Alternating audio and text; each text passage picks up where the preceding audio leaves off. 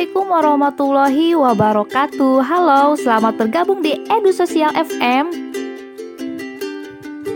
Oke, kita lanjut ke media pembelajaran IPS Nah, sebelum membahas lebih lanjut tentang media pembelajaran IPS secara keseluruhan Kita bahas terlebih dahulu apa yang dimaksud pengertian dari media. Oke, Kegiatan pembelajaran itu pada dasarnya merupakan proses komunikasi, setuju kan ya? Ya, dalam proses komunikasi tersebut, guru bertindak sebagai communicator yang bertugas menyampaikan pesan pelajaran kepada siapa? Tentunya kepada penerima pesan atau komunikan, yaitu siswa. Nah, agar pesan-pesan pembelajaran yang disampaikan guru itu dapat diterima dengan baik oleh anak, maka dalam proses komunikasi pembelajaran tersebut diperlukan wahana dan penyalur pesan yang disebut dengan media. Nah, contoh dari media ini misalnya ada film, televisi, diagram, bahan tercetak atau printed material, komputer, dan instruktur.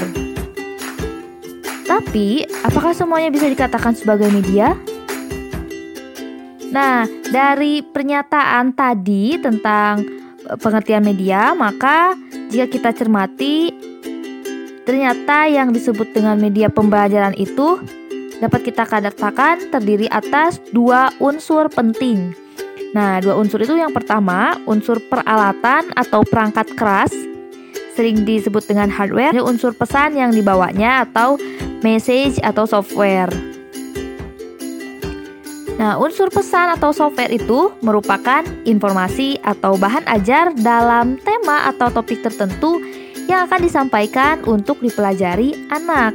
Sedangkan unsur perangkat keras atau hardware adalah sarana atau peralatan yang digunakan untuk menyajikan pesan tersebut. Dengan demikian, sesuatu itu bisa dikatakan media pembelajaran jika sudah memenuhi dua unsur tadi. Sekaligus, yang tadi pertama juga tambahan dalam rangka mencapai tujuan pembelajaran. Oke, sebagai ilustrasi, nah ada pesawat televisi. Itu belum berfungsi sebagai media pembelajaran apabila tidak mengandung pesan-pesan yang akan dipelajari anak. Jadi, pesawat, pesawat televisi merupakan alat atau hardware-nya saja karena belum memiliki pesan atau software. Nah, baru akan menjadi media bila pesawat televisi tersebut mengandung program atau acara yang mengandung informasi atau pesan atau bahkan bahan ajar yang akan dipelajari anak. Nah, sekarang coba siapa yang masih berpikiran bahwa media itu sering diidentikan dengan peralatan atau sarana? Ada yang masih berpikiran seperti itu? Ya, memang media dapat dikatakan sebagai sarana atau peralatan untuk menyampaikan pesan, namun yang terpenting bukan peralatannya, tetapi pesan belajar yang dibawa oleh media tersebut atau guru yang memanfaatkannya seperti contoh televisi tadi.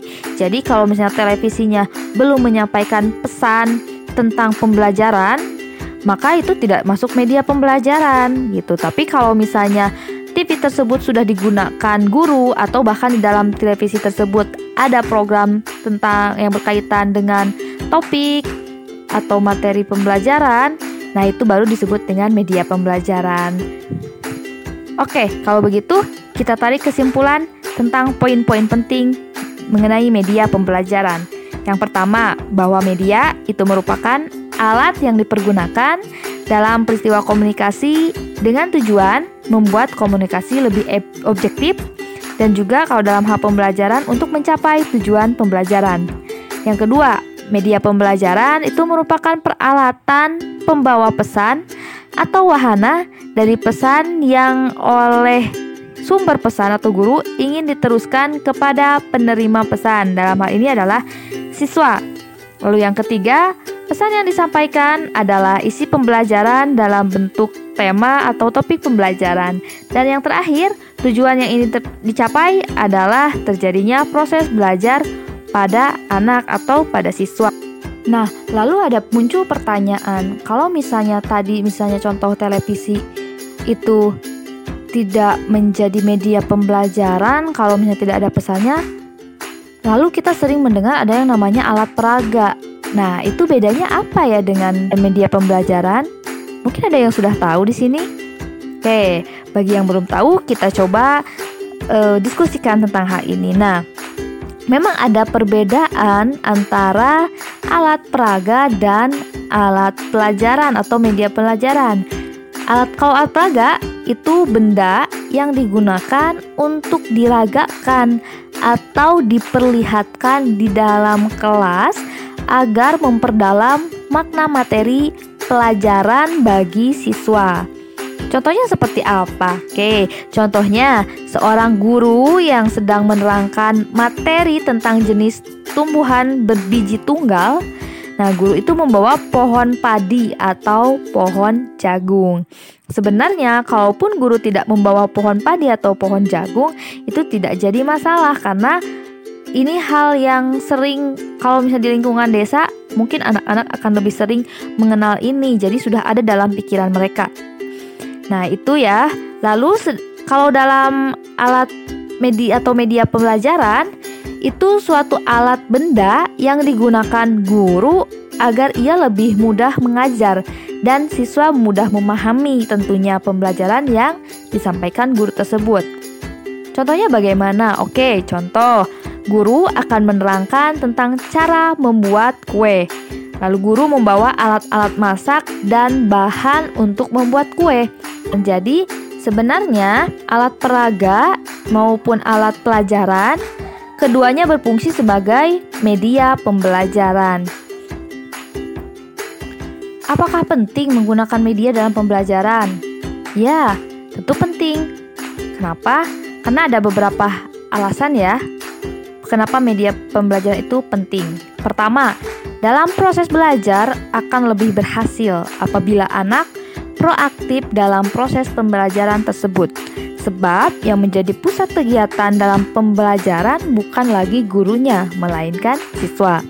Artinya, dalam hal ini mengandung pengertian perlunya berbagai fasilitas belajar, termasuk media pembelajaran. Nah, yang kedua, penelitian yang dilakukan oleh British Audiovisual Association menghasilkan temuan bahwa rata-rata jumlah informasi yang diperoleh seorang melalui indera komposisinya itu 75% melalui penglihatan atau visual, 13% melalui pendengaran atau auditori, 6% melalui indera sentuhan atau peraba, dan 6% melalui indera penciuman atau lidah. Nah, jadi karena alat peraga itu kan alat peraga biasanya identik dengan dilihat ya.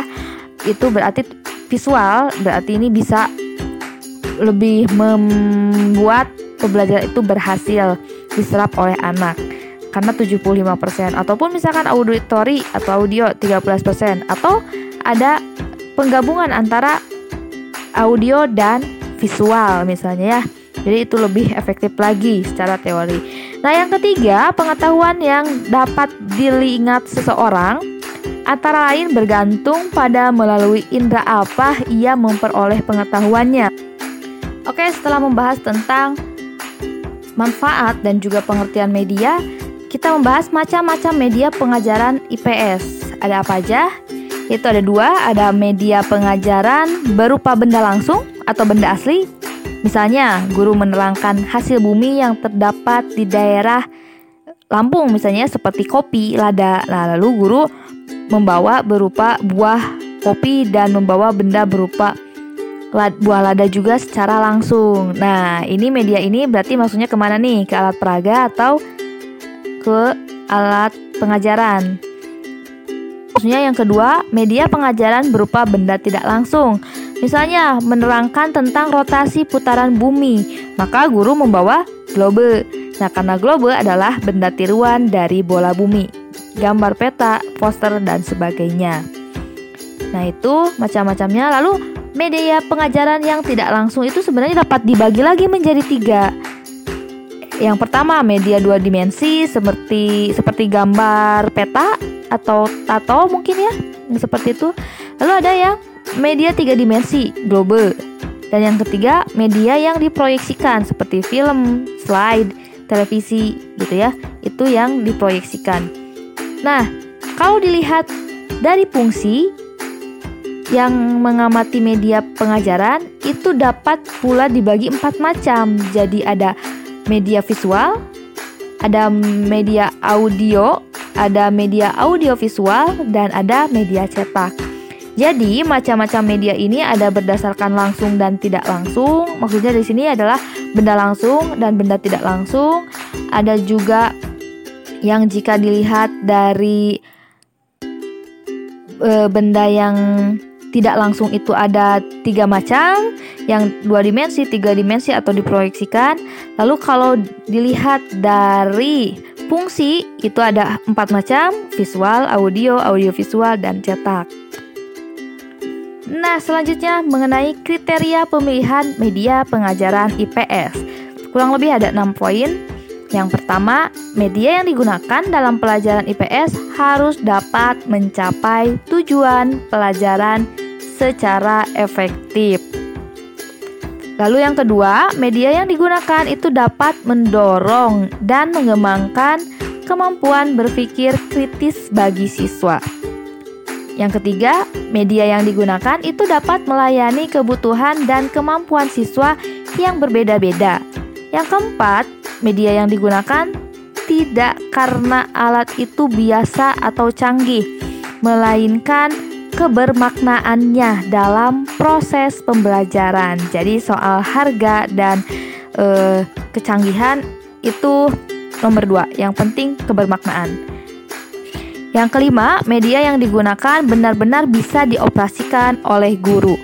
Yang keenam, media yang digunakan hendaklah mudah untuk diperoleh dan murah harganya.